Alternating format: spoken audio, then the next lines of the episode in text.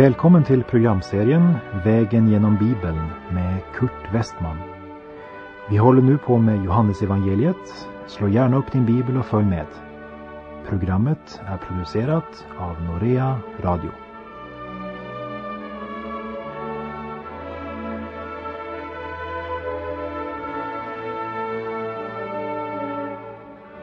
Vi har kommit till Johannes kapitel 10 där Jesus talar om fårfållan och om sig själv som den gode herden.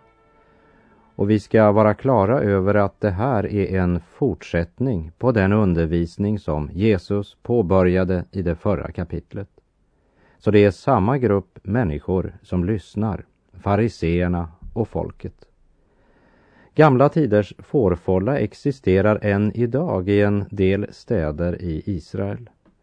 En gemensam fårfålla där alla herdarna i området samlades på kvällen för att bringa fåren till nattförvaring.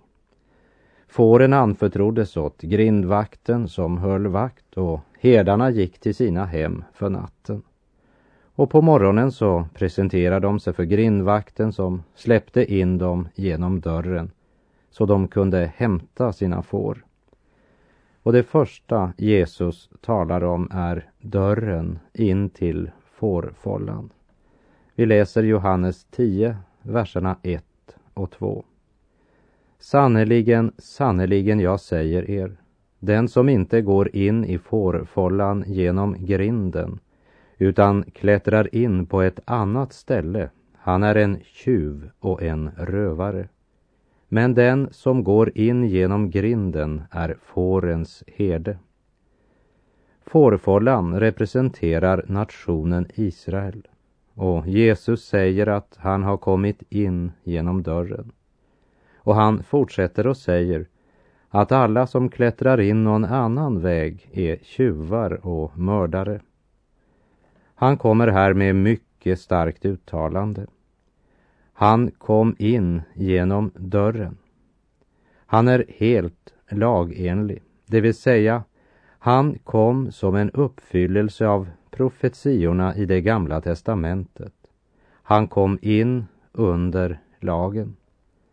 I Galaterbrevet 4, vers 4 står det, men när tiden var inne sände Gud sin son, född av en kvinna och född att stå under lagen. Och han kom av Davids ett, som det stadfästs i Lukas 1.32. Han var född i Betlehem, som det tidigare var profeterat av profeten Mika, som vi kan läsa i Mika kapitel 5 och vers 2. Och han var född av en jungfru, som det står i Jesaja 7.14. Även om det i det svenska bibelsällskapets översättning från 1917 står den unga kvinnan. Den engelska King James har översatt med jungfru. Också Norsk bibel från 1988 har översatt med jungfru. Och i en äldre svensk översättning står det Se, en jungfru är havande och ska föda en son. Den skall hon kalla Emanuel. Och han var ett skott ur Isais avhuggna stam, som det står i Jesaja 11. Men ett skott skall skjuta upp ur Isais avhuggna stam och en telning från dess rötter skall bära frukt. Och det är mycket intressant. För vid den tid då Jesus kom hade Isais stam fallit tillbaka till bondeståndet. Det var inte längre någon kunglighet. Isai hade varit bonde i Betlehem. Han födde faktiskt upp får.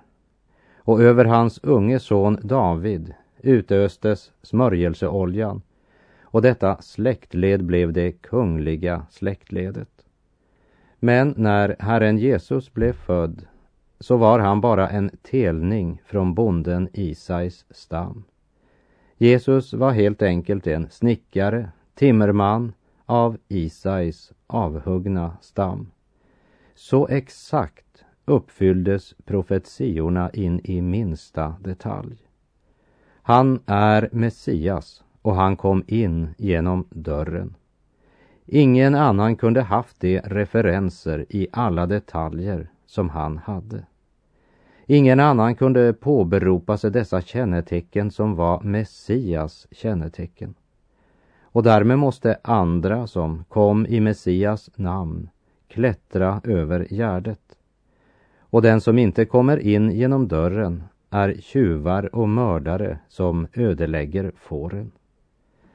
Du kanske minns från förra kapitlet hur den blinde mannen som Jesus helade blev utstött och utestängd från templet och gemenskapen. De religiösa ledarna förkastade Herren Jesus och nu utmanar de honom. Kom ihåg att de sa, är kanske vi också blinda? Och Jesus gjorde det helt klart att de var andligt blinda mitt i all sin teologiska kunskap. Och nu presenterar han sina referenser och hur profetiorna om Messias i detalj nu har blivit uppfyllda. Det är ett enormt uttalande han kommer med i det här kapitlet. Israel är fårfållan och han är den goda herden. Vi läser Johannes 10, vers 3. För honom öppnar grindvakten och fåren hör hans röst och han ropar på sina får med deras namn och för ut dem. Porten är lagen och profeterna. Det vill säga den som skulle vara Messias måste gå in under det krav som Gud ställde i de heliga skrifterna. Vem är det grindvakten illustrerar? Grindvakten är den helige Ande. Den helige Ande kom över Jesus och allt han gjorde var gjort i den helige Andes kraft. Den helige Ande öppnade öronen på hans får för att de skulle höra hans röst. Och hans får har besvarat hans rop. Dessa religiösa ledare var andligen både blinda och döva. De såg inte att profetiorna blev uppfyllda. Ja, de kunde inte ens höra hans röst. Men han kallar sina egna får med deras namn och han leder dem ut till de gröna ängar och till vilans vatten. Den blinde mannen hörde hans kallelse Simon hörde hans kallelse och Herren förändrade hans namn till Petrus, som betyder klippa, eller den sten som är en del av klippan. Han kallade Jakob, Johannes, Natanael och Filip. Jesus stannade under ett träd i Jeriko och kallade Sackeus.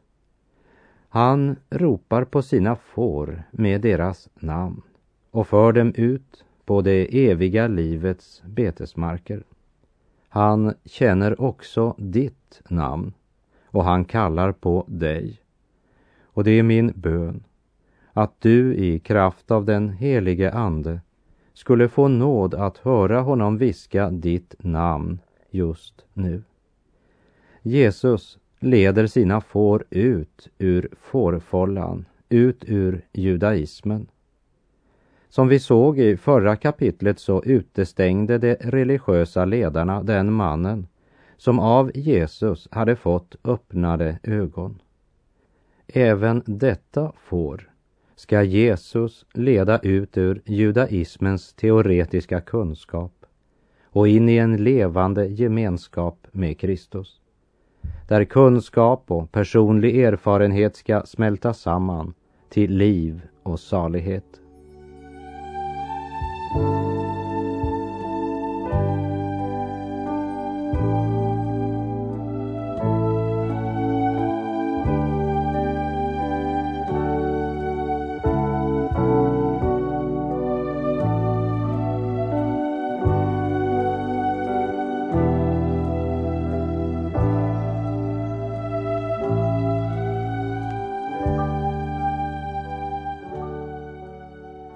Johannes kapitel 10, verserna 4 och 5.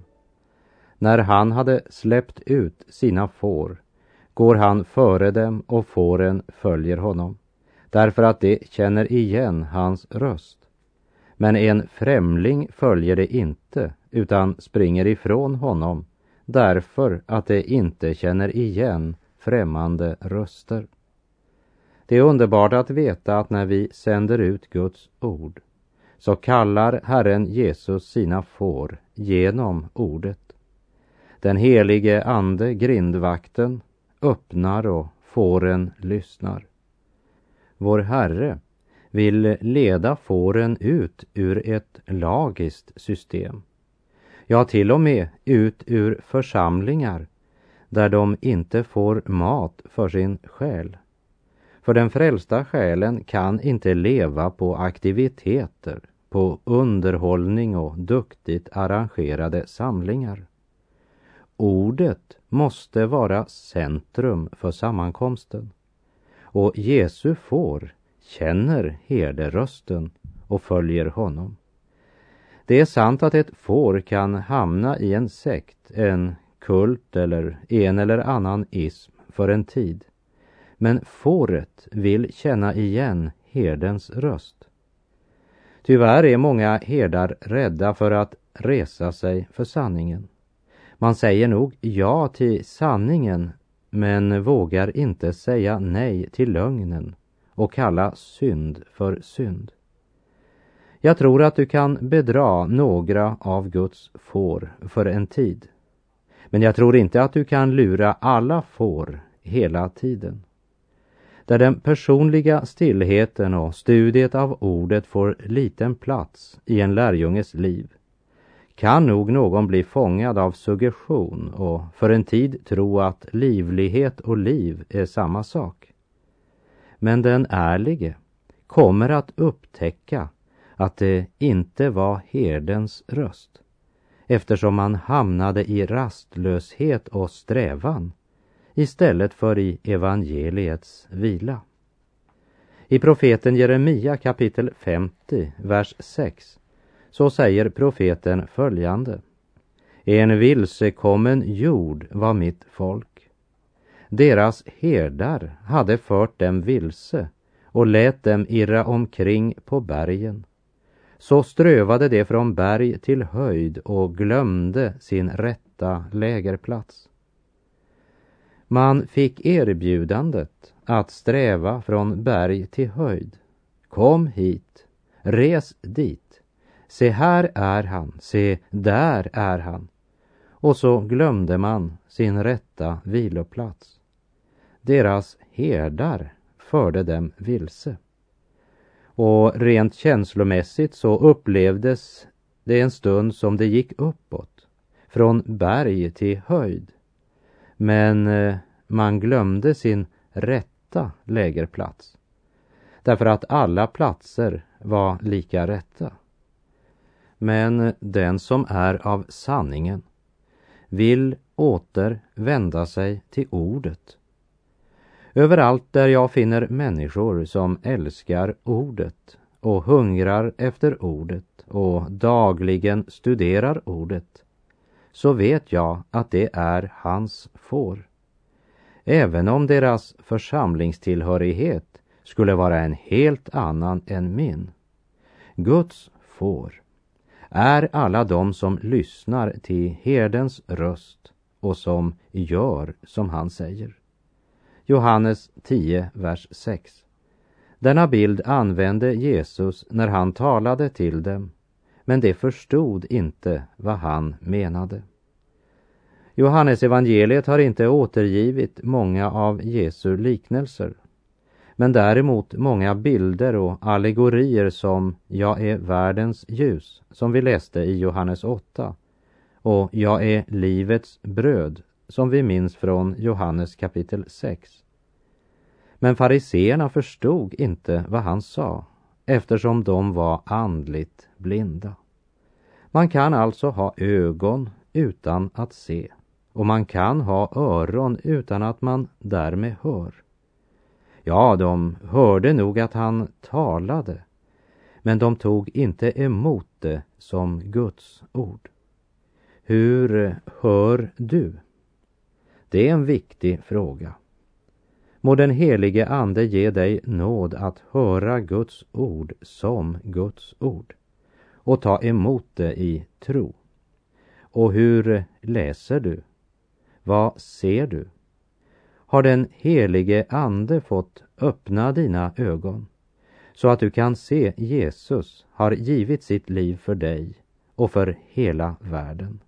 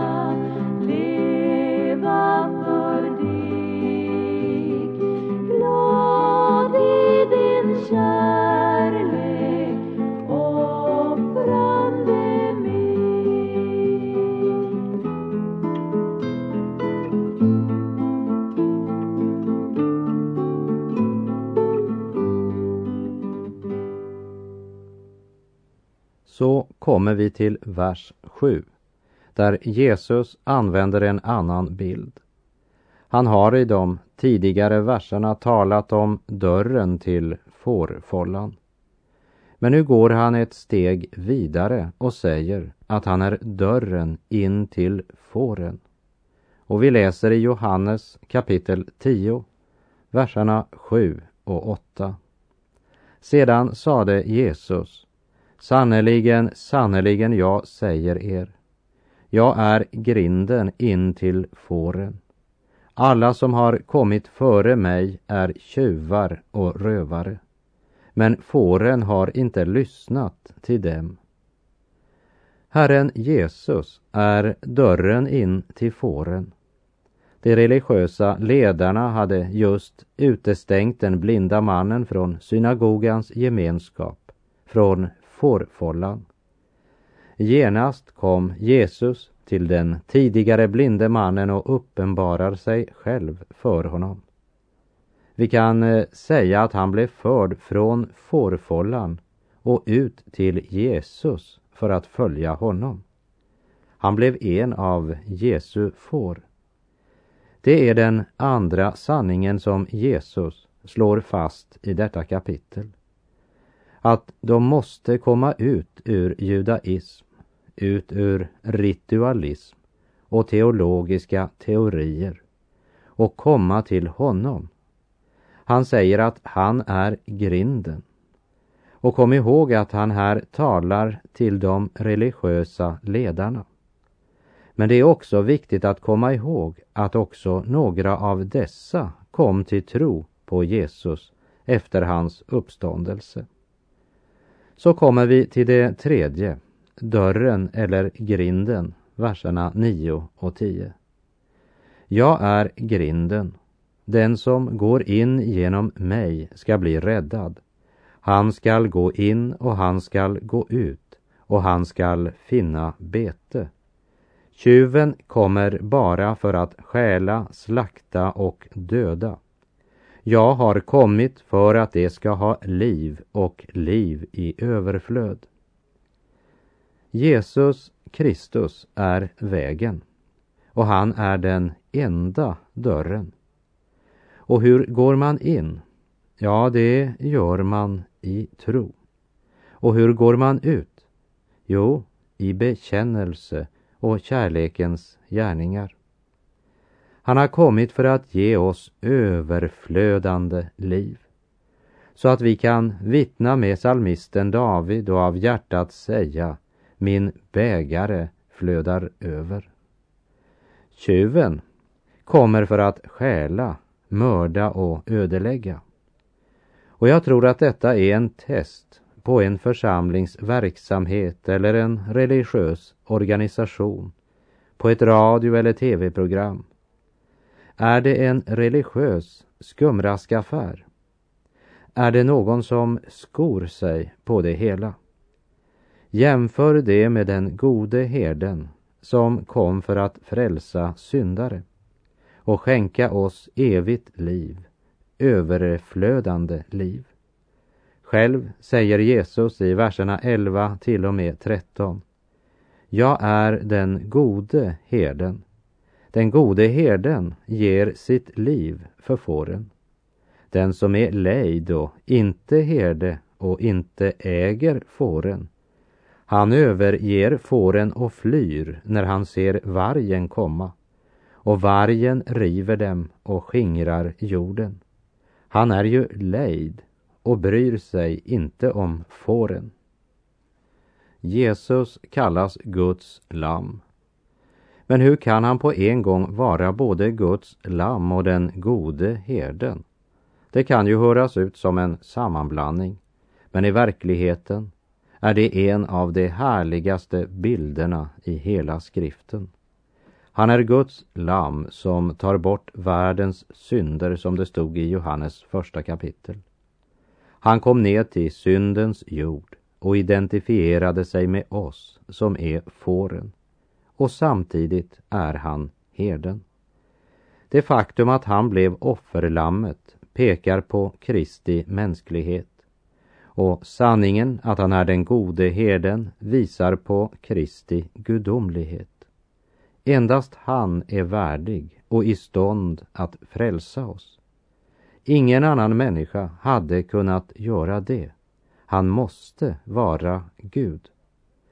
Motsatsen i den bild Jesus här använder är inte vargarna, men lejda herdar. Som bara tänker på att rädda sitt eget skinn. För fåren ligger de inte på hjärtat. De ser bara fåren som en resurs som kan ge dem fördelar eller egen vinning. I vår tid kommer de som svampar ur jorden, de självutnämnda ledarna som grundlägger sekter och församlingar för att tjäna på det och utnyttja fåren. Och man döljer diktaturen man utövar genom att förtrycka fåren med kravet om att böja sig för den andliga auktoriteten. Medan Jesus ger sitt liv för fåren. Vers 14 och 15. Jag är den gode herden och jag känner mina får och de känner mig. Liksom Fadern känner mig och jag känner Fadern och jag ger mitt liv för fåren. Lägg märke till att det är tredje gången Jesus säger att hans får känner honom. Att känna Jesus är det viktigaste. Allt annat kommer i andra hand. Och det är en av orsakerna till att jag slutat att diskutera bagateller. Vers 16. Jag har också andra får som inte hör till den här follan. Också dem måste jag leda och de ska lyssna till min röst och det ska bli en jord och en herde. Det finns andra får som inte hör till Israels hus, men som vill höra hans röst och följa honom. Och den som tar emot ordet hör hans röst, är hans får. Och det ska bli en fårflock av judar och hedningar. Rika och fattiga, trälar och fria, kvinnor och män, från alla stammar, folk och tungomål. Och vi läser vers 17 och 18. Fadern älskar mig därför att jag ger mitt liv för att sedan få det tillbaka. Ingen har tagit det ifrån mig, jag ger det av fri vilja. Jag har rätt att ge det och jag har rätt att få det tillbaka. Detta har min fader bestämt för mig. Han säger att allt detta som sker är Faderns vilja. Han gör det helt klart för oss att han dog frivilligt. Gud hade kontrollen också under förhöret mot Jesus. Översteprästerna hade sagt att det skulle inte ske under högtiden för att det inte skulle bli uppror bland folket. Men han blev korsfäst på högtidsdagen. Han var aldrig mera kunglig än när han gick ut till korset. Men det mänskliga ögat såg bara förnedringen. Hebreerbrevet 12, vers 2 säger Låt oss ha blicken fäst vid Jesus, trons upphovsman och fullkomnare. För att vinna den glädje som väntade honom uthärdade han korset utan att bry sig om skammen och sitter nu till höger om Guds tron. Jesus sa om sitt liv, jag har rätt att ge det och jag har rätt att få det tillbaka. Detta har min fader bestämt för mig. Verserna 19 till och med 21. De orden gav upphov till en ny oenighet bland judarna. Många sade, han är besatt och från sina sinnen. Hur kan ni höra på honom? Andra sade, så talar inte den som är besatt. Kan en demon öppna ögonen på blinda? Här refereras till händelsen då han lät den blindfödde få sin syn så att han för första gången i sitt liv äntligen kunde se. Men eh, folkskaran var splittrad trots allt de hade sett och hört. Jesu ord delar mänskligheten i två grupper. De som är hans får och de som inte är det. Situationen är densamma idag. Vem är hans får? Jesus säger att det är de som hör hans röst. O Gud, all sannings jag tror ditt löftesord. Vad du har sagt ska gälla i himmel och på jord. Ett vet jag. Jag som förr var blind, nu kan jag se. Och med det så får jag säga tack för den här gången. På återhörande om du vill. Herren vare med dig. Må hans välsignelse vila över dig. Gud är god.